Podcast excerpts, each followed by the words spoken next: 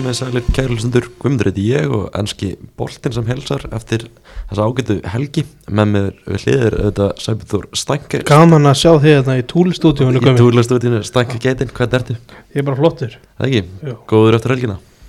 Já, það fór svona mest allt eftir bókinni. Allavega það sem gerist Old Trafford Það var einhver lesnasti sigur sem ég hef nokkuð tíma séð. Það var nú einhverju búin að gíska það að Jónat myndi nú ekki taka þrjústi þar en þú last þetta, Það voru menn sem að hugsa leikina þess öðruvísi en ég. Það er Mm. klart það er klart mál. Uh, Við erum búin að fá góðan gest til okkur í dag Linur Valsson, blessaður. Já, blessaður sæl. Þú náttúrulega starfaði það að lýsa leikjum á, á Siemens Sport, það er ekki skemmtilega starf? Jú, mjög gaman, mjög gaman að að vinna við það sem maður hefur áhuga á. Já, og, hérna, og fínt að fá borga fyrir að horfa leikin í leiðinu og reyna svona að gera sitt besta í lísunum. er það ekki svona svolítið bara draumur Jú, það er allan verið draumurinn á mér í, í Þú hvað, öðru eða þriða ári? Þriðja ári held Já, ég. þriða ári. Já, Alltaf, alltaf er gaman. Já alltaf er góðan. Alltaf er gaman. Uh, Förum kannski bara fyrst Það er náttúrulega bara skemmtilega helgi að baki Förum kannski bara fyrst í leikin sem þú varst að lýsa um helgina Arsenal Brighton. Já, Hvernig bara svona fannst þér sá leikur svona og horfur á hann núna? Kom mér bara svolítið óvart hvað Brighton menn voru öflýr bara frá fyrstu mínúti, þá voru þeir bara spila frá einn markmanni og voru bara ískaldir í sendingunum á milli línana og svona komið svolítið á óvart og ég heldur að verið 60% með boltan í fyrriháleik og Arsenal menn bara langt á því að vera sannfarandi og, og bara svona ólíkir sjálfum sér á heimavelli þannig að það kom svolítið á óvart. Þannig margir svona sem tala um Jason Steele eftir þennan leik sem er ná, markmaður sem er dottir svona frekar óvant inn í liðiðhæðum hann er eitur svalur. Já, hann er töffari sko og þú veist, bara kemur flottur inn í þetta og hann er að halda spænskum landsinsmarkverði á bekknum og, og, þú veist, og bara einmitt, bara búin að gera frábæra hluti þarna. Ekki eitthvað svona bjóstu fyrir tímabla Jason Steele, maður mann svona eftir hún Sönderland til að dæ það sem að var svona ansi erfið tími hjá honum og nú er hann búin að slá þetta Robert Sanchez. Já, akkurat, það er bara ótrúlegt sko og sýnir bara hvað þessi íþrótti er skemmtileg og, og Roberto Di Serbi líka sýnir kannski að hann er með alvöru hreðjar úst, og þú eru að taka svona ákvarðanir og, og, og veit greinlega hvað hann er að gera. Hún verðist mér með Robert Di Serbi stangja hún er bara drullu saman hvað þú heitir það er bara hvað þú gerir hann á vellinu Já, margir þarna sem að marg, veist, margir áhörundur er að sjá al, algjörlega í fyrsta skipti og blómstra þarna. Er þetta góð punktur með, með Söndaland ég myndi ekki eftir að þetta væri hann var náttúrulega í, seríunni að Sönderland til að dæ og fekk á sig ansi mörg, mörg þar þegar Sönderland fjallur Champions of delinni Já. En hvað er svona, veist, hafið þessi, er eitthvað augljós sem að hann hefur fram yfir Sanchez eða? hann, er- góður í fótunum, hann er um góða spinnur hann er rosalega góður í fótunum alltaf búin að það verðist vera búin að bæta sér alveg rosalega mikið í því og hann er bara svona, hann er svona yfiröður mjög yfiröður Já, hann er bara ískaldur og er líka bara veist, flott útspörk, hann er svona einhvern veginn að slæsa hann svona eins og Stjáni Fimbo að gera í gamla dagila sko, og hérna og er einhvern veginn alltaf að hitta á leikmennunum á kvöntunum Enciso og, Mm. og Mitoma. Er það ekki byrjað óvænt samt að, að einhver Jason Steele sé betur en einhver spannveri Jú, það er bara eiginlega varanlegt sko. Maður hefði haldið að spænsku leikmennin væri alltaf í reit og með á æfingum í því sko, en svo verðist ekki vera er málið að Jason Steele var í viðtali eftir helgina sem var að tala um að, að bara, hvað er gaman að vera að uppskera núna eftir að gengi í gegnum svona erfiða tíma. Hann segir að að náttúrulega í lið vikunar í ennskóldstölu núna eftir hann að Sigur Brighton gera Arsenal þá var hann 32 ára gammal talaði hann uh, um, í viðtali við BBC eftir leikin hann um tíma verið komið með ógeða fótbolt og verið nált í að bara virkilega skemmtileg saga Já, já, og líka bara, veist, markmenn yfir höfuð er oft skrítnir og skrítna týpur. Og þannig, að, þannig ég skil alveg, þeir eru átt að pæli að hætta og, og, og taka förðulegar ákvarðanir en, en þetta er svona heldur betur að, að ganga upp hjá hann núna. Mm, virkilega gaman að því náttúrulega Roberto Serbi líka svona margir að tala um hann þetta Brighton-lið sem hann er svona búin að móta er bara virkilega gott fótballtalið Já, já, og bara, þú veist, leikmennarna sem er, hafa verið óskæða blað sem eru bara að springa út undir honum og bara hvernig þeir spila líka bara frá marki og þeir eru með öflugar sókna, sóknamenn og einhvern veginn bara er að sprengja upp leikina. Og þessi árangur bara kemur lítið óvart með að spila mennsku liðsins og bara eitt skemmtilegast að liði deildinni á mínu mati. Já, Mér finnst svona stórt hjá hann líka Soli Marts var svona, var alltaf að delivera. Það er ekkert mál fyrir hann að setja hann bara á bekkin Nei, nei, og líka ef að liðið spilar illa þá bara hikkar hann ekki við að- að setja menn á bekkin eins og Alexis McAllister og Moses Caicedo voru báður á bekknum í einhverjum leikum daginn.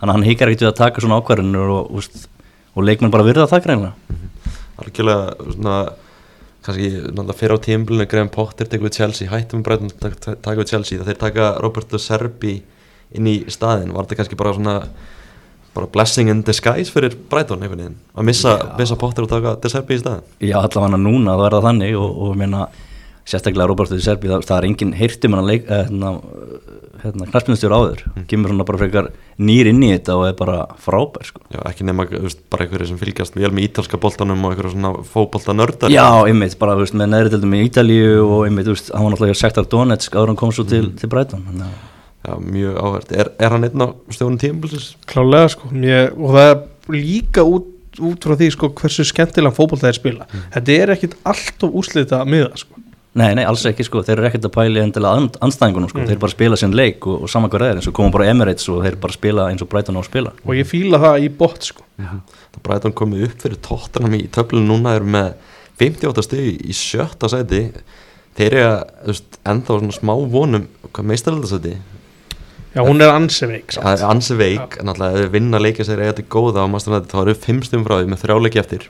Þannig að það er ennþá smá möguleik já eiga þeir vel flestu leikin eftir í þeir deildinni eru flestu leikina þeir eru fjóra leiki eftir sem er fyndið að því að þeir eru ekki já þeir eru enda voru í FA Cup undarúslan en þeir eru ekki búin að vera í Evrópu eða neitt sem hefur verið að tefja fyrir þá. Nei, nákvæmlega, en þeir hafa alltaf lent þetta var, hafa leiki, verið leikir á móti sem liðum sem eru í, Mm. í enna, byggarkeppni og öðru sko, já þeir eru ekki hansi erfitt prógram þá eftir það þeir eiga leiki á móti Newcastle, Southampton City og Aston Villa áhverð að þú sagðir ekkert gummið þú með þetta beint fyrir fram að þig sko. Já, ég var, ég var, bara, ég var að skoða leikmann Ég var með þetta í hausnum sko. Já. vel gert. Gert já uh, þetta er eins og þetta geta eitthvað allt og erfitt prógram. Nei, þeir líka eiga leik við City sem er sko næstíðasta leikurinn og það getur vel verið að City verið búið að vinna deildina þannig að þú veist, farin að hugsa um eitthvað annað.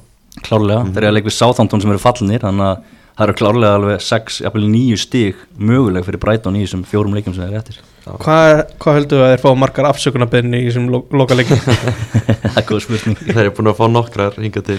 En þú veistu, horfum á hjá ef við segjum að þeir ná ekki meistaraldasæti þá gæti, þú veist, þá gæti þessi stæstu félög farið að horfa á þessa leikmenn. Þú veist, hvaða leikmenn eru þú veist, aðalega að horfa á þannig að gæti farið í eitthvað stærri félög í sumar? Lamakka Alistair virðist eða bóka að vera að fara um, það virðist vera þú veist, meira að tala um Master United núna þeir séu að fara að blanda sér ykkur bara um hann.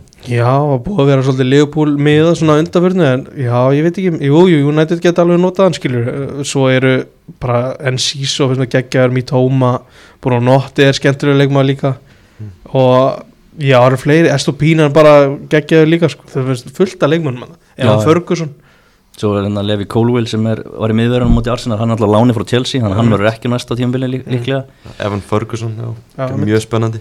Já, og svo Moises Caicedo sem hann alltaf Arsenal reyndi að kaupa í janúarleikunum tvísvar en var hafnað þannig að þú veist menn voru nú að tala eitthvað um það eftir þannig leik um helgina að Arsenal hef, hefði nú líklega ekki lengur áhuga á honum eftir þannig leik sko. Nei, líklega ekki, hann var alltaf hann að kom ekkert sérstaklega vel fram við Martinelli hann í fyrra áleik Nei, það var, var harður í hóðna að taka. Moses Kassetti var alveg frábæð leikmaður eins og margir í þessu breytulegin kannski fyrir maður að sé Arsenal. Þeir eru nú uh, náttúrulega Piers Morgan eitt svona, eitt svona þeirra heitasti stuðnismæður fór á Twitter um helgina eftir leikina mátti Brighton og sagði bara einfallega þeir hefur svona verið svolítið í þeirra höndum en þeir eru bara tjókað. Hvað, hvernig, hvernig svona horfið þú en hann loka spretta tímbilinu hjá Arsenal? Já, það er bara alveg mjög góð punktur hjá Pírs Morgan. Þeir eru allavega búin að klúra þessu sjálfur Þeir eru búin að tapa niður einhverjum nýju stigum sem þeir voru með í forskott Þannig að þetta er bara svolítið þeim að kenna í rauninni og það verðist bara að vera sem að bladra hans í sprungin og maður sá það bara í þessum leik að þeir virkuðu bara þreyttir og einhvern veginn bara búnir á því eftir tímabili bara stuðnismenn líka leysins voru bara farin að snemma heim og eitthvað svolítið sko. Já, já, bara í stöðunum 2-0 á 70. mínútu þá var bara öllurinn annars tómur sko. Já, þetta er ekki gott. Svo landa að leta hann hvað vil bara helbera líi út úr sér í dag? Þannig að tala um Ronaldo. Já, þegar hann Hann hann held- aldrei unni þetta steilt með hann í opna, það er bara ekki séns. Hann er er hann ennþá að tala um Ronaldo? Já, það er enda mjög skrítið. Það er ótrúlega dæmi En snakki, Arsenal, hvað er svona þínum að hvar fór þetta úrskis hjá þeim? Þetta, þetta byrjar hann á mótið Liverpool. En mér finnst, þetta alveg verra það sem gerist í kjölfæra því þeir lát, virðast svona láta þetta hafa svo mikil áhrif á sig. Mm -hmm. það mótið Liverpool áttur að tapa leiknum. Það með að við hvernig leikunum var að spila alveg klálega Loki náttúrulega bergja ára línu Já, og, þú veist, þeir áttu alveg breyki að vinna hann, þú veist, þau fengu upplöp og svo leiðis en með að hvernig bara allar XG tölur og þannig, þá voru þeir klárlega verra liðið. Mhm. svo, þú veist, þetta vestam og, og, bara maður sá þetta bara, þetta var að að hrinja, sko. Mhm. Já, náttúrulega menn, menn tala svolítið mikið um þetta Grand Chaka moment að ná Anfield sko. það hefur verið Það er kannski svolítið mikið verið að lesa í það af því að það er bara einn leikur. Þú veist, þú ótt alveg að geta núlstilti á milli leikja og aðeins, aðeins hérna, bara já, end, endurstilti hópin og svoleiðis. Thomas Partey var mjög lélum út af vestam þetta er svona, þetta er svona moment sem að þegar að horfa tilbaka bara, það voru ekki eitthvað svona merkjum að við ættu kannski að aðeins að breyta liðinu eða eitthvað Já, svoleiðis svo náttúrulega kannski stórt í þessu líka William Saliba meðist að sjálfsög Rob Holding gengi með hann innan liðsins var bara afleitt. Og Jakob Kivior núna sko. já. Hann er ekki, held ég í þessum klassa sko. En ég skil samt pælingunum þar að reyna að breyta til. Já, Já. En bara- þetta eru bara fjóri leikir í rauð sem að klúruðust og þú getur ekki verið að kenna einum leikmann um þó að lípa sem mittur menn að þú ætlar að vinna deildina þá eru bara geta tekist á þessu leiðis skakkaföld sko. Mm, stundismenn Arsenal eru svona bara þessi, segja það bara eins og er titilborðin er bara búinn. City Já, já. þarf bara að vinna eitt leik sko, í Sitt ekki viðbót. vinnur þetta bara næsta helgi. Já, það klára þetta bara næstu helgi með býst- Meiri segja ef að sko, Arsenal tapar leiknum sínum á lögadeginum Mm. þá eru er City menn mestara bara heim í Já, sofa það er, það er bara, þetta er bara búið. Og þeim er held ég alveg drullu saman þó að þeir verið sofamistar Já, já, þeir eru búin að vinna þetta svo oft sko, það skiptir engum máli. Nákvæmlega, þetta, þetta náttúrulega Arsenal dæmi stundum með leysast kannski hvernig bara horfa í næsta tímabil taka það og skrifa næsta tímabili. Kom þeir í meistaröldina núna hvað þarf Arsenal að gera til að vinna deildina næsta tímabili? Hvað, hvaða leikmenn þurfa að kaupa til að vinna deildina?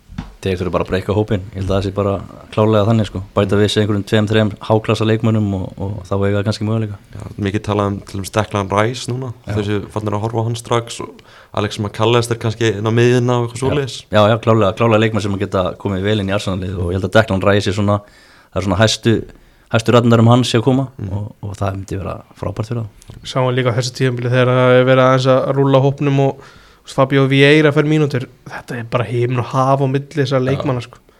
Þú veist, líka á miðsvæðinu þegar að Partey og Sjaka er ekki upp á tíu þá er þetta bara bras. Man líður svona eins og framlínan hjá þeim sé, þú eru með trossar þar til að bakka það upp, hann er búin að koma heldur vel inn. Þurfa kannski að fá þú styrkja varnarlinn, að fá inn einn miðvörð, eða þú veist, ef Saliba dettur út aftur Já. e, eða, Gabriel dettur út fá eitthvað sem er sterkar en Rob Holding. Það er líka alveg óöfni með þessa lípa að þú veist, þeir horfðu mögulega í það að Tomi Yasu væri fyrstur inn í hjarta svo hann er líka meitur sko. Já, Já. það þetta, er ekki, þetta er ekki alveg búið að þetta er ekki beint búið að spilast upp í hendunar að þeim sko. Nei, nei, svo sem ekki. algjörlega uh, svekkjandi fyrir Arsenal en þeir geta kannski hugga sig við annarsætti, besti árangur þeirra í mörg ár það er líka, þú veist, það er bara þú veist, að eiga við þetta skrimsli sem City er, það er ekki hvað, það, hvað er langt sér að töpu stigum bara í deildinni mm, það er orðið rosalega langt þeir eru ekki múin að tapa stíðum ykkur 15 leiki þetta er eitthvað bilað sko. Þeir eru búin að vinna 10-11 leikir Já. eða- Já, þetta er og þú veist, og bara sjá það á móti Arsenal þeim finnst bara þægilegt að mæta þú veist, stóru liði, þú veist, þeir eru að fara stýra leik bæði með og ánbólta, þá er þetta bara orðið mjög þægilegt fyrir það, sko. Já, við vorum að tala um Robert de Serbia þannig, við horfum bara núna bara stjórar tímabilsins bara, ég held að veri sjaldan verið jafn margir kandidatar yfir stjórar tímabilsins ef við erum bara að horfa 1-5 ef við erum bara að ræða á lista hver, hverja myndið við setja niður á lista? Bara 1-5 og þú þú stýri eftir í röð já, bara 1-5 í réttir röð. hver er stjóri tímabilsins Lí, þegar línur eru farnar að skýrast núna.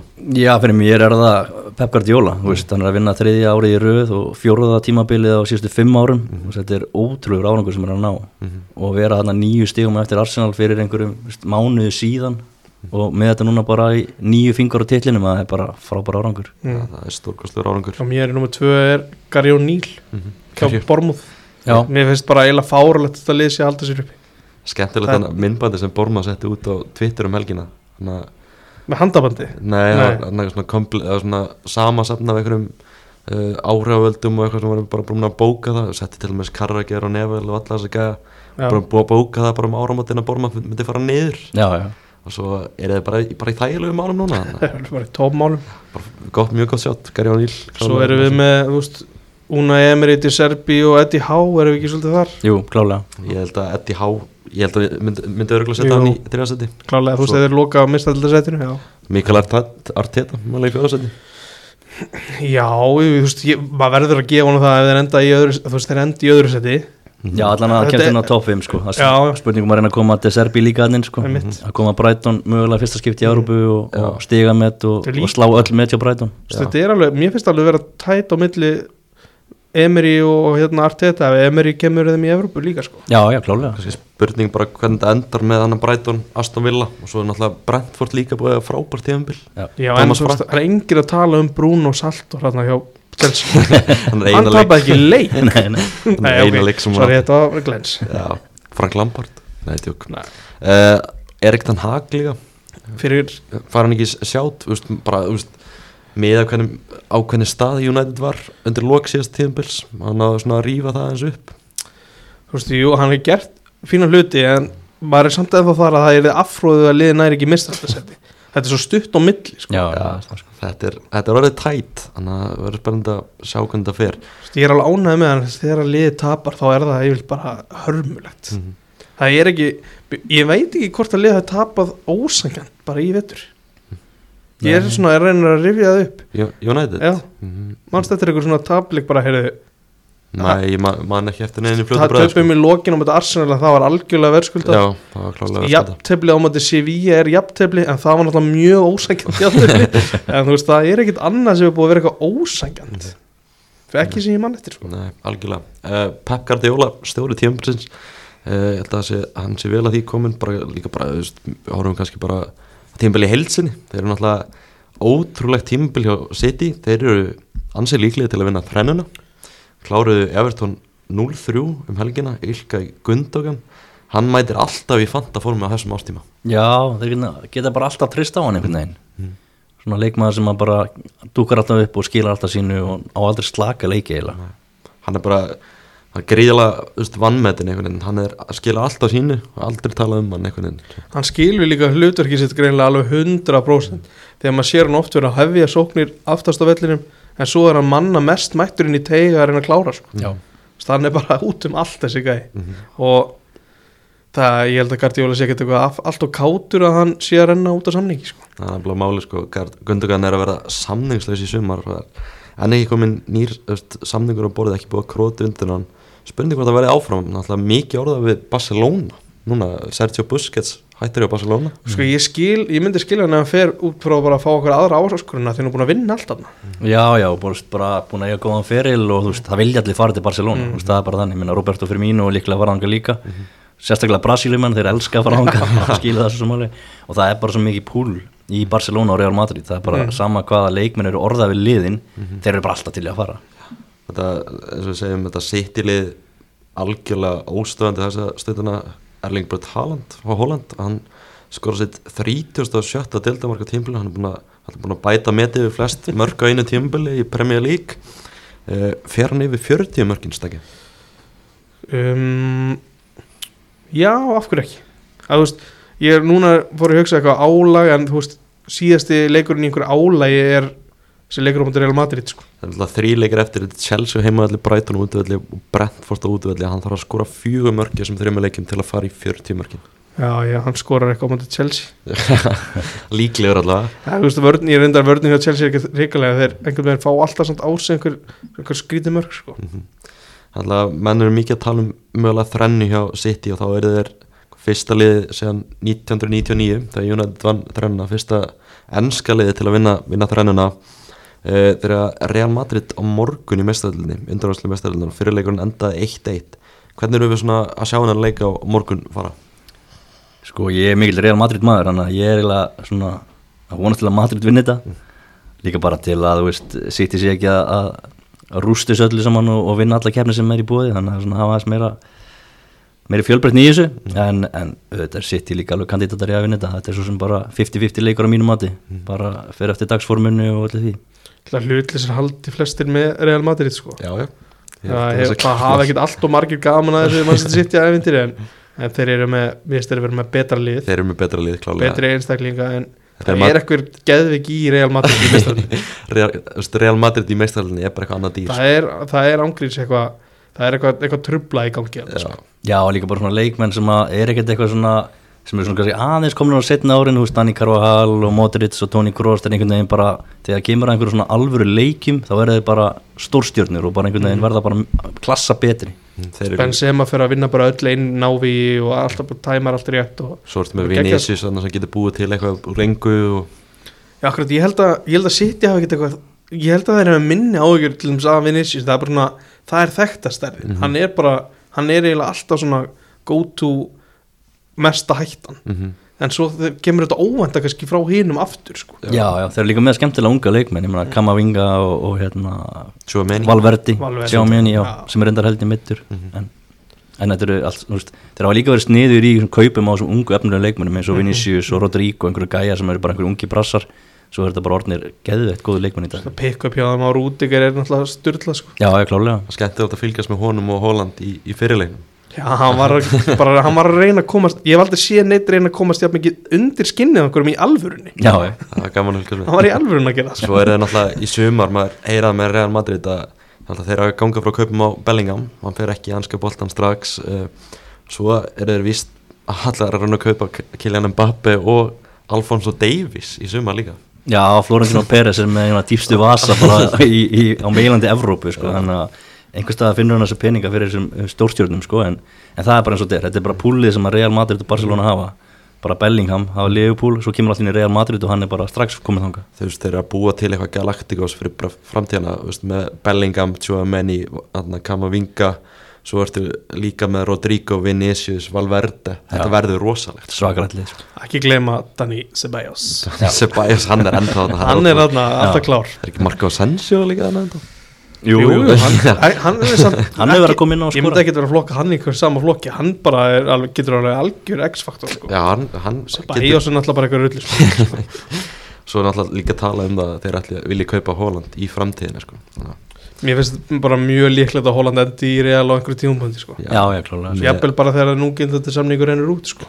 með Mbappe og Bellingham þá Mögulega, mögulega. Uh, Náttúrulega, já, City vinnur 3-0 sigur að Evertón Þeir eru eh, náttúrulega eiginlega búin að tryggja sér titilinn. Kannski að minnast aðeins á Jerry Mina í þessum leik. Hann var að reyna í, Hann er skautlegur hann, Þessi marblettir hérna hjá Holland Mhm. Er þetta eitthvað olbúar eða er, þetta, er hann bara að klípa? Klípa hann bara. Já. Hann var Það er nefnilega að klípa Maður sá hann klípa Hann er að Laporte kló- í leiknum. Klóra hann líka. Jú, gott eða ekki. Já, En maður sá hana í hotspinnu Það var að klípa í Laporte sem svo slæra hann, geðið fast Mhm. og hann hendi sér niður eins og hann hefði sparkað í hann sko. Þetta er ekki, við fíla svona ekki neitt sko. þetta eru bara stælar sko. já þetta er ekki gott uh, Náttúrulega í gær uh, Leopold vinnur 0-3 sigur Lester heldur pressunni áfram á meistarðarsæti Mm. eru einu stíði frá þessu náttúrulega búin að leika einum leik meira en United og, og Newcastle en eru samt bara einu stíði frá þessu og það er alveg verið pressa frá Leopold þessa stunda já, já, þeir eru líka búin að vinna sjöleik í röð og bara búin að virka mjög sannfærandi. Mm verið að vinna líka 1-0 sigra sem er mjög svona út úr karakter með að við tímabili á Leopold hafa verið að leka inn frekar mikið að mörgum og verið brotatir í vörninni. En það er bara eins og þess að tilfærsla á Trent Alexander Arnold hefur bara verið að virka frábælega hjá Jürgen Klopp og, og Curtis Jones einhvern veginn að blómstra og, og Championship leikmaðurinn Curtis Jones. Já, nákvæmlega og, og bara leikmenn sem eru svona að koma tilbaka eins og Luis Díaz og Diego Jota sem eru bara búin að vera frábærir það er Curtis Jones mögulega leikurinn í gær mögulega hans besti leikur á ferlinum stangja bara mjög líklegt, hann hefur alltaf átt einhverja rispur sko, svo inn á milli hefur hann verið bara ótrúlega boring sko. mm.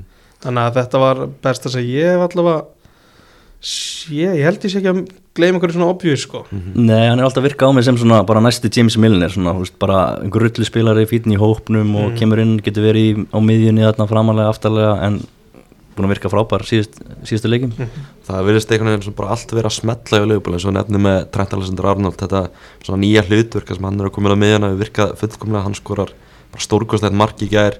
Uh, svo eru með þú veist, Fabinho allt í hennu farin að vinna einhver einví aftur eftir að vera hörmulegu sko. Já, já, hann er bara hann er bara að gangi endin í lífta og hérna, eins og margið aðrir hjá Liverpool sem að kannski hafa átt þetta inni hafa ekki alveg verið að delivera á tímabilinu fram að þessu en, en eru svona loksins að komast í gang. Líka að tala um hinn óeigingjarna Má Sala Já. Stó- tók Birkjum að sæfa svona og tók stóðsendingar já, hann hefur eitthvað verið að fylgjast með Birki og eðlilega. Það er bara svoleiðis. Uh, náttúrulega svona, mjög áhverð í leiknum í gær Roberto Firmino. Uh, náttúrulega hann atna, hvað var hann ekki í hóp í gær? Hann var samt hann að sat hann í sat hann í stúkun, hann er að glíma við meðsli um, sat hann í stúkun og stuðnist með Leopold, held ég að sungið stanslust lægi hans í einhverja 15 mínútur eða eitthvað. Það lægið hans er nefnilega er trillt sko. Já, það er það að er gefa liðbúlmennu það, það er geggjað. Og gaman að sjá brosið hann á, á á Firmino hann eftir ég held leikin að hann hefur svolítið hræður maður sá hann svona líka þegar hann var að lappa svona inn á völlin eftir leik og þetta var, það var svona alveg tilfinning á þungi sko. Já, og náttúrulega með Firmino eins og nefnir Linur hann er líklega að fara til Barcelona Já, það er allavega það sem við verðum að tala um í fréttum og, og hérna Barcelona kannski á ekkert mjög mikið pening þannig að þeir eru svona að reyna að herja á sér leikmenn sem er að renna út á samning eins og. Ilka Gundogan og Roberto Firmino. Þannig að þeir eru eitthvað svona að, færa til leikmenn í leikmannhópni á sér til að koma þeim inn á launaskrá. Mhm. en ég held að það væri bara flott múfi á honum. Hann er búin að, búin að vinna allt sem hann getur unnið með Liverpool og búin að klára sinn fyrir þar og, og, og skilur bara í góðu bara sem legend hjá klubnum þetta er, þetta er samt svona einhvern veginn svona erfur skilnar að því Firmino hefur verið svo ógeðslega góðu fyrir Liverpool. Já, en kannski bara líka eins og Sadio Mane veist, hann fór frá liðinu og það var mikil sorg með það og, en svo bara kom hann í leikminn inn í staðin Já, kannski bara svona rétti tímanpunturinn stakka. við finnst vera og ef við kannski vippum þessi yfir á manni þótt að byrja svona eins og þetta hefur verið kolvillast en núna er þú veist, núna vilja menn bara fá manni í burtu frá bæinn Já, já, nákvæmlega það er, gras er ekki alltaf græna hinum einn það er bara, það er greinlega að sína sig. Mm. Náttúrulega Lester náttúrulega Liverpool í þessum leik. Þeir eru ansi fondum málum núna. Þetta lítur bara afleitlega út. Já, var það ekki, þeir töpu á móti fúlham í leiknum undan það ekki? Jú þannig að þetta er, það er eins og þeir séar ég veit ekki, minnst þess að bara uppgjöf. Náttúrulega töpu 5-3 og múti fúlam náttúrulega viljan leikurinn. Akkurat, Já, og gerðu svo jafntefla að múti Everton hann að heimallar sem voru heppnir að tapa ekki já, Hann í já, það er rétt. Og gerðu líka jafntefla múti Leeds þannig að, að þessi þrýr leikir á undan þessum leik maður held svona að þeir getur fengið eitthvað út úr þeim en það gekk náttúrulega ekkert. Þeir eru nýndu það Þeir eru 19. seti með 30 stík, þeir eru tveimur stíðum frá örugusæti það tvei leikir eftir. Og hvað er eftir? uh, Þeir eiga hvað, þeir eiga Núkasúl úti og Vestham heima. Úf, það er ekki bjart yfir Vestam eru reyndar held ég, þeir eru safe sko, Já, það, sáleikur getur unnist en, en njúkastal úti verður mjög erfiður fyrir það. Akkurat. Þannig að vandamálið hjá Lester Stangar, ertu búin að er ég búin að krakka það? krakka það. Hvað var Johnny Evans í þessu leik? Hann var að byrja, var tekin út af. Hann byrjaði? Var tekin út af það er þetta að koma eitthvað því vilja til að hann væri eitthvað lausnið sko, en þetta lúkar ekki þannig. Mhm. ég bara markmannsmál lengi framan að tíðanbili og róta á varnalínu og Mhm. samningsmál hjá Tílemanns og Mattisson vildi fara, var meittur og Vardí búin að vera skuggina sjálfur sér Var því bara búin í League Já, bara allavega fram að einhverju, hann átti eitthvað tvo leiki í, rönni eða eitthvað svo búið bara Mm. ég veit ekki alveg, ég, veist, ég er ekki minna laust, þeir eru bara gátt ekki kift neitt Brenda Rodgers samt seldur fór fan á hellingspenning þetta hefur allt mjög skrítið sko. Brenda Rodgers er alltaf bara komin að endast um þetta lið Bara- Já. hefði átt að láta hann fara fyrr held ég sko Já, miklu fyrir eða bara ekki mm -hmm. það er svona, þannig sé ég Já, þetta, sko. veist, kannski eða látað hann fara fyrr það hefði kannski fengið eitthvað annan en Dean Smith til að taka við þessu þeir eru svo fenguður hérna kantmann hann ekki teti eða eitthvað Já, hann held að hann hafi lagt upp í fyrsta leik síðan ekki sögur meir já, lítið kom út úr það honum er bara sko. ekkert að, ekkert að frétta sko. Það er bara þessir líki leikmenn sem að voru aðalmennir í liðinu þeir eru bara ekki að delivera Nei. Þú veist, vörðin er búin að vera hræðileg Þú veist, Wood Fass sem að fengi til félag sem er, er bara mjög lélög hann miðvörður reyndar elskar spöndu Leopold hann Já. heldur að hann sé tóttimaður þeirra. Já. þarf vel að bara kaupa þann mistar yfir til sín. Mögulega, sko, hafa hann sem backup hann fyrir hinu meðverðina hann Mm. gerði held ég mistök bara í fyrsta markinu í ger hann elskar að spila með þetta liðbúl þetta er svona góðu punktar vandamál Lester. Já, já, Johnny Evans náttúrulega búin að vera mikið meittur Mhm. Kaklas og Júnsjö líka mikið meittur þannig að þeir eru eiginlega búin að vera miðvara lausir en Didi búin að vera í miðverðunum markmaðurinn í, í þróti uh, Chilimanns náttúrulega bara skuggina sjálfum sér og þessi fremstu þrýr einhvern veginn ekki að delivera eins og eiga að vera að gera. Þú veist, Mattisson er eins og hans komið í hugan eitthvað annað. Náttúrulega mikið orðar frá félaginu fyrir vettur þannig að það var svo mikið, mikið að. Já, haldið ná að halda þeir uppi það ég sé það ekki einhvern veginn gerast. Hvað tvö stið upp í Everton Mhm. og nei þeir náttúrulega ná aldrei ná, ná aldrei fóristeldu þú veist að ég sé þetta ekki gerast Þannig að hvað, það er sjö ár síðan sjö ár síðan Lester náttúrulega var ennskur meistari en skrítur að segja það já, já. það er alveg ótrúlegt um, og svo eru, þið bara að fara að falla núna það er allavega ágætist líkur á því Já, það sem er alveg grátlegt að þetta er veist, skemmtilegi leikmenn og þetta hefur í gegnum tíðan að vera skemmtilegt lið og ég var alveg til í að skipta á Bormóð og Lester en, en þú veist, það er ekki fara að gerast þannig að en þú veist þetta skemmtilega lið er samt að fara var alltaf að fara að fara tættast í sundur. Mhm. Mattisson var að fara Tílmanns var, að, var ekki að fara framlengja. Eftir það er eitthvað mikið eftir sem er heillandi Nei, kannski ekki, það er kannski bara mest allt búið. Já, Pereira er búin að vera ég held að hann sé ekki ennþá komin tilbaka eftir fyrstu meðslir, Nei, hann er nei. alltaf myndur Nei, nákvæmlega. Nákvæmlega. Hvað er svona, þú veist, það eru leikmenn þannig í þessu liði sem er klálega að fara að fara eða er falla, hvað er Mm. svona kannski fyrir utan Mattisson, hann finnir alltaf bara í just, núkasúli eða eitthvað og svona, hvað, hver verður heitasti bitin fyrir önnur lið að, að grípi þannig Harfi Barans líklega Já, Ég, fyrir, svona, fyrir svona fjórum, fimm árum þá hefði ég alltaf sagt Vilfrid Ndidi en hann, hann, hann hefur náttúrulega ekkert gert upp á síkast Hann er búin að vera algjör skuggi að sjálfur sér sko. Hann er Þetta bara fall- agalegt að horfa á hann sko. fallið fram að kletti sko. Tekin út af í leikjum bara þegar hann er ekki að standa sér sko. Mhm. ekki gott sko og, já, Lester virðist vera á leiðin niður sem er heldur betróðan því ég var að skoða þetta í gerð við spáðum 8. senti fyrir tímabil. Já, það er er mjög skrítið að hugsa til þess. En Leifbúl, þeir eru á góðu róli og allir þeir komist í mestaröldina Ég veit það ekki. Þetta er, þetta verður alveg mjög fróðlegir síðustu leikir síðustu tværum fyrir hennar þetta, þetta getur brutið begja vona. United á þrjá leiki eftir í Manchester United þá. Já, já, þarf að tapa stigum í tveimur þeirra til þess að Liverpool komast upp fyrir. Já, Nú, bara einum. Einum. Er ekki tveimur? jú, það- jú tveimur. Já, já. Það Við erum fyrir, United er fyrir ofan og áleikti góð já, það er svo leis Já, einu stíðandan Já, og United á Bournemouth úti Chelsea heima og Fulham heima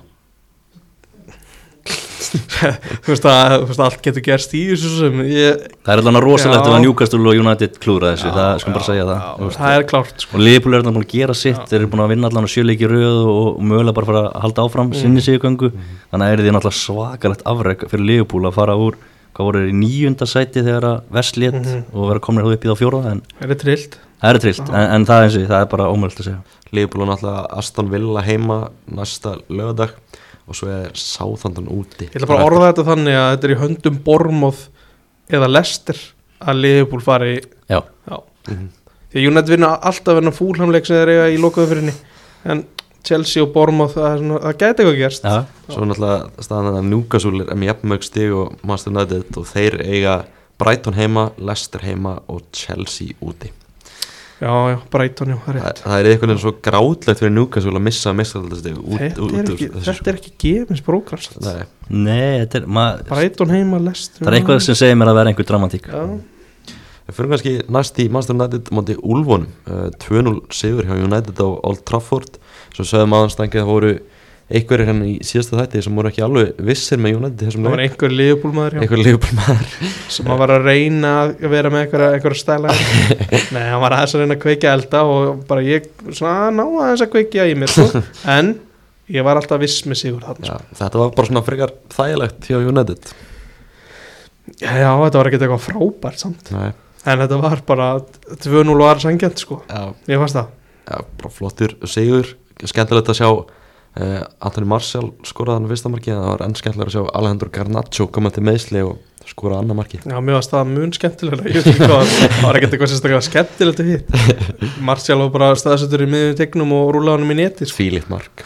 Þetta var mikið fyrir þessu. Stórkostu mark. Garnacho, hann er gaman að sjá hann koma tilbaka. Spennandi leikmaður. Það er virkilega spennandi leikmaður. Hvernig finnst þér hann að staði sig í, í vetur? Bara mjög vel, hann er bara komið skemmtilega inn í þetta United lið og, og hérna, á þetta framtíðina fyrir sér búin að henda sér í slíf og nýt hendur og húst, hann er bara búin að nýta fríið vel í meðslunum til að, að, hérna, að hann að skýt lúkan á vellinum.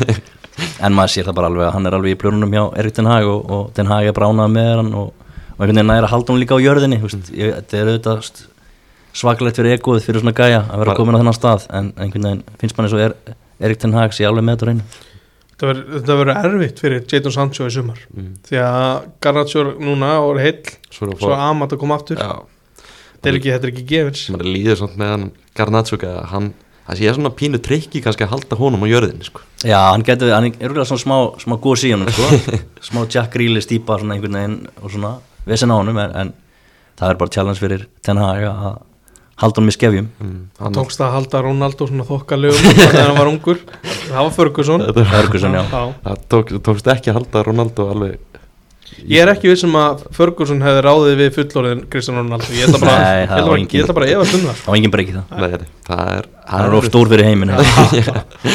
Ótrúlega maður. Skemmtilega fréttir að Ronaldo nú upp á síkast hann veit bara fara- fara að komast frá Sáti Arabi Já, finnst þér það óvænt? Það vissu það allir, hann er aldrei lengi þarna, sko. En er, hvernig er með þetta njúkastil ákvæði? Er eitthvað hann sko við sjáum til í sumar. Eða verðið mistrallinni Shit maður Þá, þá voru það að byggja fyrir að hafa það mikið sko. uh, Það voru fréttir af United eftir þannig leik mútið úlfunum uh, Sabitzer, Marcel Sabitzer sem kom að láni í janúar, hann er búinn að spila sin síðasta leik fyrir Master United, alltaf búist við því ætla er ekki að þú veist, það er ekkert ákvæði eða neitt ég. Það var ekki í kaupa ákveðu, ég heldur mun ekki kaupa hann uh, Nei. í sumar en ef að þú veist, stæðið þetta búið fyrir 20 miljónum punda Myndir Skam- maður að gera það ég held að það fara alltaf í eitthvað annað sko. Góður bakkuplæðir, ég myndi kannski ekki taka hann á frálsinsölu Frjál, já, þessi frjálsa. Uh, það er ekki alltaf Já, að að það sé bara ekki alveg nógu góð fyrir United. Veist, það það er bara, veist, það var fín retting í janúar en, en ekki svona upp á framtíðan að gera. Hvað með vá tveikost, myndir þú kaupa hann? Nei, hann er náttúrulega ekki búin að, búin að skora í deildinni fyrir United og veist, þetta er gjörsamlega búið að vera hálf, hálf lægilegt Já. aðhaldunarefni aðhaldunarefni hjá United sko. en ég held að hann fari bara beint á törf múr aftur. Mm, það eru sögursandur ég held að verði ekki þar heldur. Nei, Þessi koppari getur ekki nota held í Premier League sko. Hann fer þá kannski bara aftur Þískalands eða eitthvað svoleiðis. Getur verið bara til þetta Feyenoord, heim Já. til Feyenoord. Meistarinn það er skemmtilegu guður samt. Já, gaman að Já, Það mjög skemmtilegt að fylgjast með honum sérstaklega að hann fer að æsa í fólki. Það er Já, já, já, það er svona karakter í honum. Já klálega. Um, Náttúrulega sögursandur það núna að Master United sé að skoða að kaupa miðvörð og Kim Min Jae eftir óskarsson. Er bara Napoli frábær, frábær leikmaður sem hefur komið bara frábærlega inn í, í lið Ítalíu meistarana. Það er ákvæði samningin hans sem gildi ákvæði í júli 50 miljonar evra, held ég að segja riftuna ákvæði. Já. Þurfti bara að drífa í því að, að kaupa hann en hver er þá að fara út af hinnum fjónum Ég held að hann sé það bara þ- þriðji miður og Harry Maguire fari út. Já. Hljó, Hljóta að vera. Er hægt að þú veist, láta hann fara og borga 40 miljónu efra eða Skip, Skipta Harry Maguire til Napoli. Að þessi skoða þetta. Ég held að Napoli, lána tíðanbill skilur Napoli myndi nú aldrei gera það sko. Nei, ekki, ég held ekki heldur. Harry Maguire hann er auðvitað, er þið flottur sem það Ítalíu? Já, það fyrir bara aftur í Leicester. Í fyrstu dildinni Championship. Já, já, hann er þið flottið þar.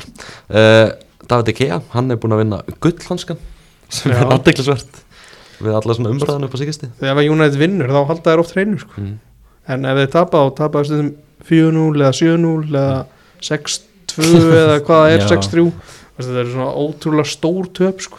En þetta, þetta endur spekla bara spilamennskuna hjá Ten Hag. Veist, Hann er þjættu fyrir og, og, og er einmitt að vinna 1-0, 2-0 sér að mikið. Mhm. og það hefur bara skilað þessu. Af Því að markatana er náttúrulega ekki góð með að við Newcastle og Liverpool sem eru að hliðina þeim sko. Að þetta hefur bara einhvern veginn dottið svona fyrir DG og, og einhvern veginn svona hálf hlægilegt svona með að við, við svona getu hans í marki yfirleitt. Samkefnin alltaf við hann er engin Tom Heaton, náttúrulega á begnum og það er ekki samkefni Jack Butland eigum það er minni veist það var smá samkefni þegar að Dean Henderson var í hópnum en veist, hún var heldur ekki mikil Já en svo bara líka erfitt fyrir, fyrir það var réttlega hann á bekknum með þennan launatjekka sko. næst það. launaðasti leikmaðurinn í Premier League Þú veist, hann líka á eiginlega aldrei þú veist tvo slæðima í röð sko. Mhm. þannig að hann poppar alltaf upp með eitthvað clean sheet skilur Já, Tekur alltaf eitthvað sjóansvöðslu og Já. þá far, far mann til að gleyma hvað á United að gera í sumar í markunumál Ég held að það var ekkert vittlust að fara að skoða eitthvað kringum þessi sko. Það kemur að því að DG þarf að víkja og hérna þeir þurfa að fara að finna einhvern alvöru markmann. Er ekki David Ræðis að hann vera háværi og háværi? Mikið orðað við tóttanam líka núna. Já. þannig að ég held að það er ekki slæmt fyrir United að taka hann inn sko. hvað er annað? Mannjan er svona einhver draumaheimur. Já, það er samt Mannian. verðist ekki vera að gera sneitt þar. Nei, maður, maður hérna, fyrir lítið fyrir þessum fréttum með markmenn sko, finnst Já. mér það er ekkert eitthvað rosa margir þú veist, Levakovic sem var í Króatíu já hann er í hvað Dínamo Zagreb ennþá sko. Já, einmitt Ég- bæinn var eitthvað að skoða hann í janúar það er örugglega einhver ástæð fyrir þau tók hann ekki sko. mm svo spurning með Manuel Neuer hvernig honum er líðið það var alltaf að saga sem að ég er mjög reyfin taka hann í eitt revenge season og sjá hvort, hvað hann er klár í sko.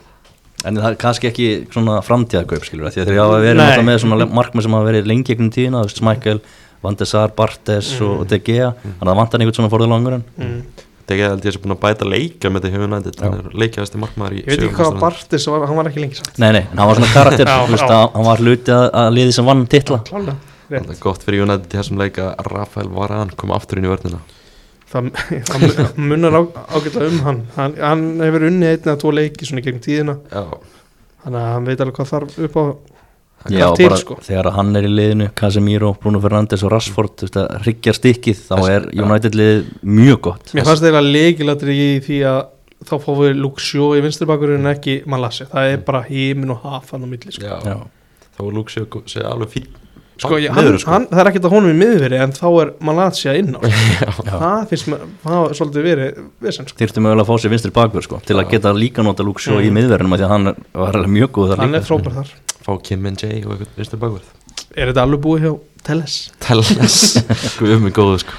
Uh, Svona alltaf Chelsea Þeir sóttu stert stig á móti Nottingham Forest 2-2 Já, Lampard byrjaði að safna stigum. Hann er byrjað að safna stigum eftir frekar erfiðan Þeir, kapla sko. núna er komið staðfest, þeir geta ekki fallið. Nei Já, það er bara orðið eru Ég veit ekki hvort það var fyrir umfyririnn eða ekki en þetta er allavega orðið Ég öruggt heldur að við tryggt að móti Já, um sko. En það er allavega orðið staðfest að þeir halda sér uppi. Frank Lampard kom með fjögur stig eftir endikomna til Chelsea. Fjögur stig. Alltaf leikur um að til Liverpool sem þinn maður Bruno markalust jættefli Já, áttu að vinna. Mm átt að vinna. Mhm. uh, síðan það, eftir það töpu er sex leikjum í röð uh, í öllum keppnum. Mhm. Um, við erum núna bara að taka fjögur stig í sístu tveimur þannig að Lampard er svona aðeins að rífið í gang Líka farnir að skora, það er allt bara svona on the up Já, Já, þetta getur ekki leiðin nema upp á við en þetta er samt bara, þetta er ekkit lampart að kenna Nei. því að þetta er bara einhvern veginn hauslaus hér og það er eins og hann sé bara í veiðimann hann tekur bara og velur í, sko, í liðið Já. út frá því að draga spil sko. Að, við, getum við ekki skrifað þetta svolítið mikið á, á King Todd Bowley það? jú, jú, hann er eiginlega hálfpartin búin að skemma stemningun hann með öllu þessu ruggli sem að kom í kjölfarið á þessum breytingum sko, en, en það er bara aldrei sama liðin á vellinum og einhvern veginn, þetta er bara algjör rúlletta. Hann er alltaf að breyta brunliðinu. Algjörlega, Raheem Störling skoraði bæðimerkin þarna í þessum leik 20 jættefli, Tæfa Avoní skoraði bæðimerkin fyrir Nottingham Forest fyrir leikmaður Liverpool meðal annars. Um, eitt svona punktur í þessum leik N'Golo Kante, hann er hann hefur verið að koma svona ágætlega inn en hann er mættur aftur á meðslalista Já, mikið, mikið meittur í vettur og veist, hann, hann og greinlega ekkert mikið eftir í, í Chelsea treyjunni. Nei, það, veist, maður sér það alltaf að hann það er en, ennþá alveg eitthvað í honum þegar hann mætir hann á völlin, það er bara þetta veist, av- availability is the best ability. Það er, það er ekki gott, gott hjá honum. Hann er alltaf meittur hann er að vera sanningslaus í, í sumar. Á Chelsea bara leiður hann að fara. Já, ég hugsa það. Ég held að meðan að hann er svo mikið meittur þá er ekkert kannski benefit í það að, að, hérna, að semja við hann aftur. Og örgla á, nú þegar á mjög góðum samningi. Mm -hmm. af því að hann var stöðuleikmár og var alltaf til taks en núna er það bara breytt og greinilega aldrei farin að segja til sín. En, og þeir líka bara konum með aðra leikmenn sem að geta lista þessu stöðu betur. Algjörlega, ég held að Chelsea sé að að gera fína ráðningu. Það er náttúrulega orðið bara staðfest að Mauricio Pochettino er að taka við þessu. Hvernig líst þér á það hlýnur? bara mjög vel, bara frábær knastmyndustjóri og búin að sanna það í deildinni þegar hann var með tóttinam og uh, búin að fá sér fínt frí eftir PSG-dótið og, og, og hérna, þingið hans veskið hjá sér með það. Og hérna, ég held að það verður bara frábært að fá þann karakter aftur inn í deildina. Stakir þú hrifin á þessari ráðningu? Mér langar að hafa eitthvað skoðun á sig, ég bara veit ekki alveg hvað mér finnst um þetta. Ég ætla bara að reynskili, ég get alveg komið og sagt þetta að vera, á, þetta er útrúlega spennandi þegar ég bara, þetta er bara eins og það er, sko, þetta er bara Pochettino til Chelsea. Það tóttina menn, þeir eru svekti með þetta. Náttúrulega voru fannir að vonast til þess að hann myndi koma tilbaka. Hann er að taka við svona nágranna liðinu, einhvern veginn svona smá rígur hann á milli, hann hafi verið áhvert að sjá næst tímbli Já, já, tóttinam það fættur aldrei neitt fyrir þá, það er á móti tóttinam alltaf, þannig að svona, þeir eru svona verða alltaf út undan einhvern veginn, greiðin Mm. maður svona hálf vorkina þeim stundum. Það var skemmtileg hérna um, umræða um, um Tottenham í, í öðrum hlaðarsætti, mér langar að vitna það Steve Dagskrá voru að ræða þetta eins og það er erfiðast að vera stundismæður Tottenham. Mm. því að þú verður fyrir sömu vombriðum með töp eins og stórliðana en þeir alltaf, þeir tapa alveg jafn reglulega og þú veist eins og Aston Villa eða, eða Brentford eða eitthvað Þetta er, og þeir vinn ekki neitt. Já. þannig að það er erfitt að vera Tottenham. Þessi helgi var svona sérstaklega erfið fyrir Tottenham því það er náttúrulega töpu tvö á móti Aston Villa og brútild fyrir að það sé ekki að fara í neina Evropakefni, það er svona einhvern veginn stefnir allt í það núna. Þeir eru dotnir í sjönda sæti með jafnmörgstu Aston Villa tveilegi eftir útildi ekki gott fyrir læri svona Ryan Mason. Um, það er náttúrulega tapið var eitt og svo voru fréttinar um það að Julian Nagelsmann, hann er bara ekki að fara að taka við þessu. Það voru, kom hann á, hvað held ég á föstudagskvöld. Það er eitthvað svona óvisa með svona bakvið hvað er að gerast bakvið tjöldin á tóttinam og eitthvað Mhm. svoleiðis og hann er ekki hrifin af því þannig að hann bara dróð sig úr þeim pakka og hann ætlar ekki að taka við þessu. Nei, og hver þá? hver þá, það, ég var að er Arne Slott, stjóri fæinhald í Hollandi komin efstur, okay. En okkar maður hann er á Frankfurt. Þegar hann ekki búin að glasner eða eitthvað? Ég veit bara ekki hversu heitlandi það er að fara frá Frankfurt til Tottenham akkur núna sko, Nei, en þú veist, það er launa eitthvað já, Svo líka bara held ég að spila líka aðeins inn í bara, veist, hvað verður um Harry Kane já. Það er náttúrulega óvisa með það líka Já, sko. óvissum með það og hvernig verður leikmanna hópurinn, alltaf er eða einhverju leikmenn og það er oft verið erfitt að opna veskið þarna á, já, tóttinum Mm, maður er svona hrættu fyrir hönd Tottenham sem eru þó nokkur hérna á Íslandi að þeir sé að fara að lendi í einhverju núna ráningu í sumar sko. Gæti alveg gerst. Já, Svona áttundakosti Ég hafði smá gaman að því. Taki Það búið að orða alla við þá. Þannig að þeir taki bara Sean Dice eða eitthvað eitthvað Þá, rugl sko. þá er bara fínt að halda það sér í. Ryan Mason og, og leiða honum að taka bara eitt tímabil í einhverju rugli og, og sjá svo til. Já, taki bara Kristján Sterlini aftur eða eitthvað, Nei, ég veit það ekki. Uh, Kompani hvað hann var fyrstu kosturinn Hann alltaf framnildi Já, framnætti, Sebi Alonso eitthvað núna. Hann er bara að gera öst, fína hlutum bara í Leifugusson Já En þú veist, ef að hann vill komast í ennska boltan þá er þetta plattform sko. Já, Hann býður eftir Liverpool. Já. Hann er, hann er Er líklegri það ég held að það sé ekki líklega á núna einmitt að það verði Alonso frekar en Gerrard. Já, ég held að Jú, eða þeir saman bara. Já, mögulega. Tvekkið þjálfara kerfi Það var ekki ekki uh, Aston Villa 2-1 gegn Tottenham Jakob Ramsey, hann er búin að koma sterkur inn upp á síðasti. Já, hann er svona, hvað heitla hann ekki fyrst fyrir svona tveimur, þreimur Já, svo datt datt hann aðeins niður en eftir að Una Emery tók við Mm. var hann búin að svona lífga hans upp á hann sko. Emir er búin að kveiki í alls konar leikmennum að Já, hann er já, búin að Hann er gera haft uh, Douglas Lewis sem er svo komin tilbaka. Já, Það er svo gaman að Aston Villa Hann er komin að Og Asli Young er að brosa sko. Það gerir þetta ekki oft. Una Emery gera flottar hluti eins og við höfum talað oft hérna um bara guð blessi hinliðin ef Aston Villa kemst í Europa League sko. Ég sá hann að Matti Kass var að koma tilbaka eitthvað fyrir helgi. Mm Ég veit ekki, ég veit ekki sem hvort það spilaði eða ekki. Þeir, þeir hafa engan áhuga á því. Jóng er að gera frábæra Jangarinn sko. 37 ára. Það var lít snúkasúl, 2-2 jættefli Þetta var svona frekar áhugaður leikur Já, skemmtilega leikur Tvö alvöru lið og alvöru stuðnismenn Þetta var hérna, mikil hiti á vellinum líka Já, kannski ekki eitthvað til sóman, það var einn annan stuðnismæður sem kom bara niður á hliðleinu og að vaða eitt í há Já, smá svona hérna, spurningmerki með hérna, örgiskessluna sem ætti nú að vera heldur góða þessum öllum Mhm. en líst bara er náttúrulega að berjast fyrir lífið sinni í dildinni og, og hérna, náða með merja þarna eitt stig, mikilvægt stig en hérna og njúkastul hefði alveg hæglega geta tapað þessum leik þannig séð Mhm. Þetta stóri sammættur og Highland Road þetta er kannski ekki svona leiki sem hann fílar. Hann vil hafa þá kannski frekar meira lokað en þetta. Já, hann er hann ekki bara svolítið svona rólegur og svona yfir stjóri og svona vill kannski einmitt frekar svona dempa niður leikina og drepa þá? Mhm. frekar hann eitthvað svona allt í háaloft og 2-2 en einhvað síður skemmtilegu fyrir áhórandan Leeds stangi, mm. er þeir að fara að berga sér? Nei. Ég bara sé það ekki gerast. Ég, hérna, Þarna fá þeir svo góða, góðan sér að komast yfir og í kjörstöðu Bamford. Mhm. Hann er búin að reynast, reynast það bara mjög illa núna. Já, Já, bara ekki, ekki að hitta á það að Bamford á sín tíma var hann bara elskar að elskar að hjálpaði hann alltaf að komast upp í anskóðustöldina átti frábær tímabil hann Mhm. á fyrsta tímabil upp í anskóðustöldinni hann er búin að eiga ansæður upp uppdrátt og núna. Hann var leiðilegt að sjá eftir leikin að hann fekk bara einhverja morðhótanir og eitthvað frá stundismennum Já.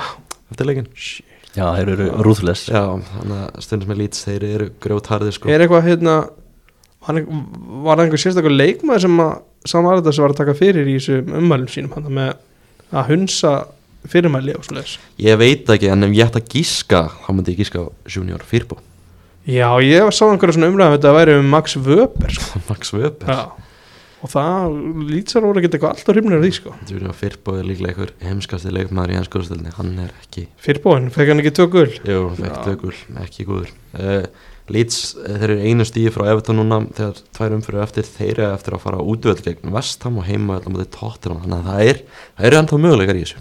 Þeir fá hann að vestam líka sem eru svo gott sem eru ekki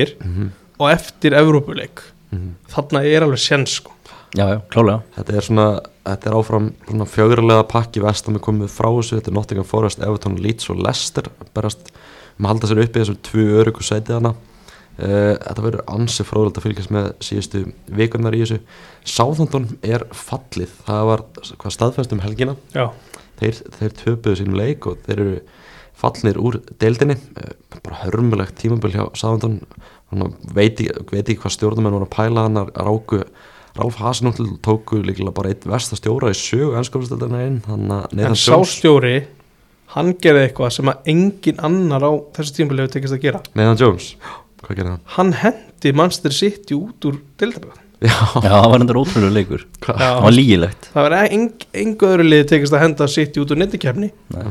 nema sándorðindir stjórn Nathan Nathan Jones Jones. Já. þeim er ótrúlegt Já, það var, hann átti ansæðut upp í deildinni sko já, alveg bara agalegt. Það, hefur, það kemur eiginlega ekkert á óvart að Southampton sé að falla. Það, er, Nei. það er bara einhvern veginn mann man bara grunaði það strax bara fyrir jól að, að það væri að fara að gerast. Er einhvern veginn bara vonleysir það verður svona einhvern veginn bara skríti að sjá með líka næst tímabili og ekkert sáðan þeir, veist, þeir voru búin að festa sig svo vel í sassileikunni já, klálega, það er alveg sjón og sjötur aðeim sko, en, en bara, bara alls ekki nógu góðir Allir James Ward Prowse, hann er líður svona eins og hann sé orðin svona mikill félagsmaður Allir hann taki Championship til þetta með þeim?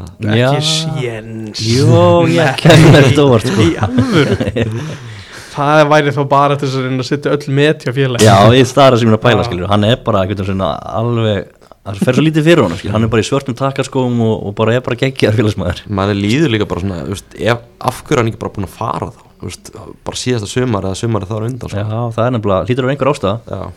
Þannig er, hann er væntalega eitthvað liability þegar kemur að því að verjast. Mm. því að ekki er vantar upp á skotækni í fyrstu leikandrum og svo leiðis Nei, nákvæmlega. en það er eitthvað sem að, er að heillar ekki liðin fyrir ofan sko. Mm. Ég held að hann sé einu eða tvei mörgum frá því að bæta metið á David Beckham yfir flest aukarspilnum mörg þannig að hann er ekki fara að bæta það nema hann komið aftur í Premier League. Mm En það er sáðan er alveg líklega til að fara upp aftur. Þeir eru með efni við í það uh, Eða missa ekkit rosalega mikið Náttúrulega tók hann að leikmann í janúar sem getur blómstræði í Champions-dildinni Kamaldin Sulemana til dæmis sem er eldsnöggur. Uh, Svo eru leikmennan sem hljóta líka fara eins og Romeo Lavia, miðjumærin Hann er greiðalega spennandi leikmæður hann fæst samt ekki gefins. Með allan fari ekki fyrir eitthvað 40-50 eitthvað svo leiðis Já, já, en pælti ég að kaupa leikmann sem- frá lið sem er falla á þann pening sko. Já, það er það er, er orðið bílaður þessi heimur sko. Það, Eh, Nathan Jones líklega vestu þjóri í sögu Premier League og ekki er Ruben Selles mikið skári ég hafði eiginlega mest gaman að lausninni ef lausn átt að kalla í januar mm. þegar að minn maður Jan Bednarek var fenginn aftur tilbaka þú veist ég næ ekki upp í þetta sko. Mm. að þetta hafi átt að bjarga einhverju þegar hann alltaf alltaf unni leik bara eftir árum sko. nei, nei Náttúrulega Krista Palas, Rói Hotsson heldur áfram að tikka inn stífum Ese og Lise þeir sáum Bormóð þannig á heimaðalli og þeir eiga bara núna að taka við keflinu þeir eiga bara að segja skilu við Saha og lega þeim að, að blómstra. Sammála því sko. Já, þetta var alltaf svona one man team. Saha var bara stjarnan en núna eru bara orðnir fleiri leikmenn sem eru hérna, orðnir líki leikmenn í liðinu. Þannig að Saha skipti kannski ekki alveg jafn miklu máli og hann gerði. Þannig að og ótrúlegt með Eberis S sleitt hásinn sko og bara er ótrúlegt hvað hann hefur jafnað sér vel á því. Já, bara geggjaður í, í þessum leik Rói Hotsson, hann er ennþá að tala um leikinu mútið Íslandi 2016, það er gaman að því sko. uh, hann er búin að koma vel inn hjá Krista Palas aftur eftir stutt svona retirement það hann verður áfram, eða ekki? Já, ekki svona verið að í að því eða? Jú, það er gaman sko Aha. halda honum áfram eftir að farið í Patrik Víera eitthvað allt annað og fara svo bara aftur í Rói Hotsson gamla sko. skólann. gamla skólan ég ætla bara að kalla það sem núna að verður eitthvað alveg lók oktober ætla ekki sko. þá verður byrjað að finna einhvern annan sko. Já, uh, Brentford leiði sér áfram að dreyma Evropu eftir sigur á Vestham Mbuemo uh, er búin að leika vel undanfinni hann var sterkur í fjárveru Ivan Tóni í þessum leik. Uh, já, þá er bara komið. Leikinir, helgina. ég held að það er bara mjög fín yfirferð sko. já, er náttúrulega bara spennandi ennþá með meistaröldabarna, tilbarnandi búin spennandi með Evropubardu og spennandi með fallbardu, þannig að það verður áhu, áhugaverðar síðustu tvær vikur. Uh, meistaröldin í dag og morgun það er Inter AC Milan í kvöld. Mm. uh, Inter náttúrulega bara að fara að klára það held ég sko. Það er lokið sem Já, leik bara ég held Já. að gera það alltaf sko. Bara ekki bara 0-0 leðilegt 0-0 eða 1-1 já, Já. eitthvað svo leiðis uh, svo er náttúrulega verið að leika líka í Championship-deildinni það er spennandi hlutur í gangi í umspilinu þar. Hvað lið viltu hóa upp? ég vil fá Sönderland upp. Söndiland já, Já, ég held að vera gaman sko. Það Eða, eða Coventry. Eða Coventry, það er, það er eitthvað það. Ertu búin að vera með myndavelin á lofti í vettur í Söndurlandi? Nei, ég Nei. vona að einhver hafi verið að gera það það er mjög gaman sko. fá, fá einhver svona gleði í þetta sko. En Karrik með Borró, er, það- er það ekki líklegast uh, þeir eru alltaf að just, fá heimalíki núna eftir að hafa gert 0-0 í fyrirleiknum Þeir voru miklu betri víst ekki sem fyrir leik. Já, Já, Fá- það heyrði ég. Fáum við Sönderland Middlesborough í vestuleik það var gaman. Já, það verður Það- skemmtilegt sko. Það er líka eitthvað svo steikt við það ef Luton Town myndi komast upp í Já, ennsku það er svona sísta liði sem ég myndi vilja sjá. Já, þetta hvað, þú veist, þeir eru með tíu smanna völl eða eitthvað? Það er sjarmirandi en það er ekki það er ekkert held ég rosalega fyndi svona einmitt í svona fjóruðu, fymtu umferð. Nei. Já, ekki alveg kannski málið sko. það er auðvelt samt að taka, taka flugið og fara að leikja Lúton, Lenda bara á Luton sko. Þú þekki það vel. Ég var einmitt að fljúa frá Luton sko. Já, nákvæmlega. Alvöru, alvöru flugvöldi sko. Um, Með eina svona kannski pælingu í lokin Alltaf, Gary Neville og, og Jamie Carragher voru gæra að taka Combined 11 Svona samanlegt lið fyrir Manchester United 99 og Manchester City 2023 Þetta er náttúrulega City er ekki búið að vinna þrennuna En það, lítur ágætlega út hjá þeim. Uh, áhört liði hjá, hjá Gary Neville hann setti bara allt United 99 liði þarna í þetta lið. Og trúr sínum mönnum. Var trúsinu mönnum var alltaf sjálfur í þessu liði og svona.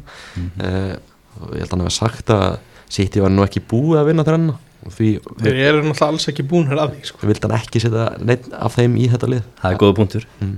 en ef þið, þú veist, værið að horfa á þetta núna bara City væri búið að vinna þrenna hvaða City gæði væri að fara að komast inn í þetta lið? Ég Bruyne og Holland mm. ég held að það allan að fyrstu tveir á blað hjá mér. Þú þarna bara séðu, þú veist, fjóri, þrý, þrýr bara Giggs Beckham á kantonum Holland upp á topp. Já, De Bruyne, Roy Keane og Skóls á miðinni já, Dennis, Dennis Örvin, vantilega vinstur bakverður já, ég veit ekki alveg með hans hann sko. Hann er, og Ronny Jónsson, ég, ég sett spurningum ekki við þá.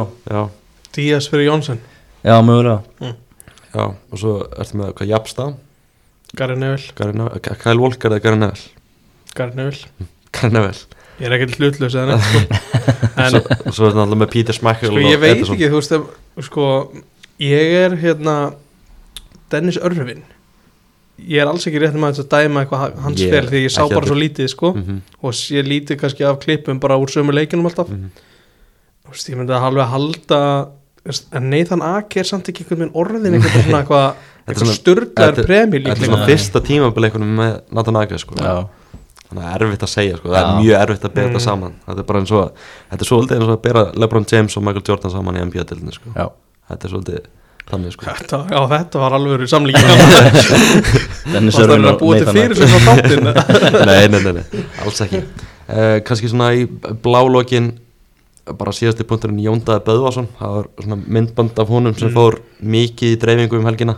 Hann að leika sér í fótbolta með ungum stundismanni þetta, bara svona, þetta var bara eitthvað svona bara svona típist Jóndaði myndband eitthvað. Bara toppmaður. mann finnst þess að maður hafi séð þetta áður. Mm -hmm. Og það er, veist, það er bara skililegt Mm að ég held að hann sé veist, mjög mikið ekki svona að gefa af sér og, og, og pep, peppandi sko. Já, það var bara skemmtilegt og, og, og auðvitað eiga leikmann að gefa á sér og, og sérstaklega við svona yngri yngri ytkandur Mm. maður sér að stundismenn Bolton elska Jóndaða sko, þótt hann sé búin að vera mikið meittur og svo leiðist hvernig er ekki þetta skoður sem að leggur alltaf allt Já. í verkefni sko. já, Já, já, Íslandingar oft bara í ennsku liðunum hafa alltaf verið mjög vel liðnir, Mm. ég minna bara eins og Guðni Bergson og Herman Reyðarsson og, og allir Eður smári alltaf Mhm. já, Já, Já. algjörlega, alltaf tala vel um íslenska Mm. leikmenn í, í hérna, Erlendis algjörlega bara vonandi að Jóndæði það sé ekki mikið eftir þessum meðslum og hann verði allavega klár bara beint eftir í beint í næsta tíma já. sko. hvað er þið kannski með bara í júniklökunum Já, Er það Já, ef hann fær einhverja leiki á undan sko. þarf hann ekki eitthvað að spila sig í gang eða? Mhm. Jú, Er ekki kannski. skrýta að koma beint eftir kannski fjórum mánuða meðslið inn í landsliðis það er kannski ekki, sjá til með það Það hlinur bara takk kjærlega fyrir að koma, gaman að því heimsó Hvernig finnst þið túlistúdíóið? það er frábært Stórkostet svo. litinn og svo leið Já, geggjað Já, bara takk kjærlega fyrir að hlusta